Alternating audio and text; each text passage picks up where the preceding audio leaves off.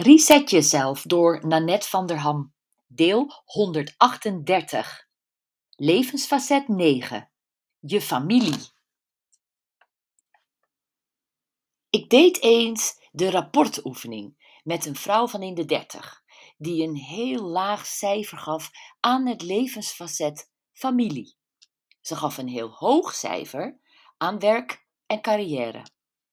Toen ik haar naar de succesfactoren vroeg van die hoge score, zei ze triomfantelijk: Nou, die zijn er niet. Jouw oefening klopt dus gewoon niet. Het kwam me gewoon allemaal aanwaaien. En waarom heeft familie zo'n laag cijfer bij jou? vroeg ik. Nou, ik doe er alles aan om mijn ouders in te laten zien dat mijn manier van leven ook een manier is. Ik probeer met ze te praten, we maken ruzie, we hebben verdriet, maar ze begrijpen me niet. Daar doe je dus heel veel aan.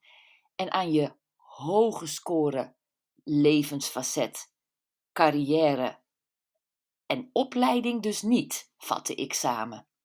Klopt. Hmm, misschien is dus de oplossing voor het lage tevredenheidscijfer voor je familie dat je er niets aan moet doen. Dat je het moet laten waaien, zoals het waait, laissez-faire, net als bij je werk en carrière. Het kwartje viel. Loslaten was het antwoord. Wil je gelijk hebben of wil je gelukkig zijn? Misschien wil je allebei, maar als je geen gelijk krijgt, zul je het ermee moeten doen.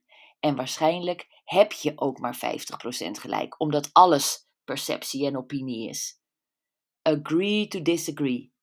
Wees het eens dat je het oneens bent en geniet van wat je wel gemeen met elkaar hebt. Hier komt jouw resetter nummer 3. Geef tijd en aandacht aan je familie en zie elkaar meer dan alleen op begrafenissen en crematies. Waar je aandacht aan geeft, dat groeit. Veel plezier, veel succes!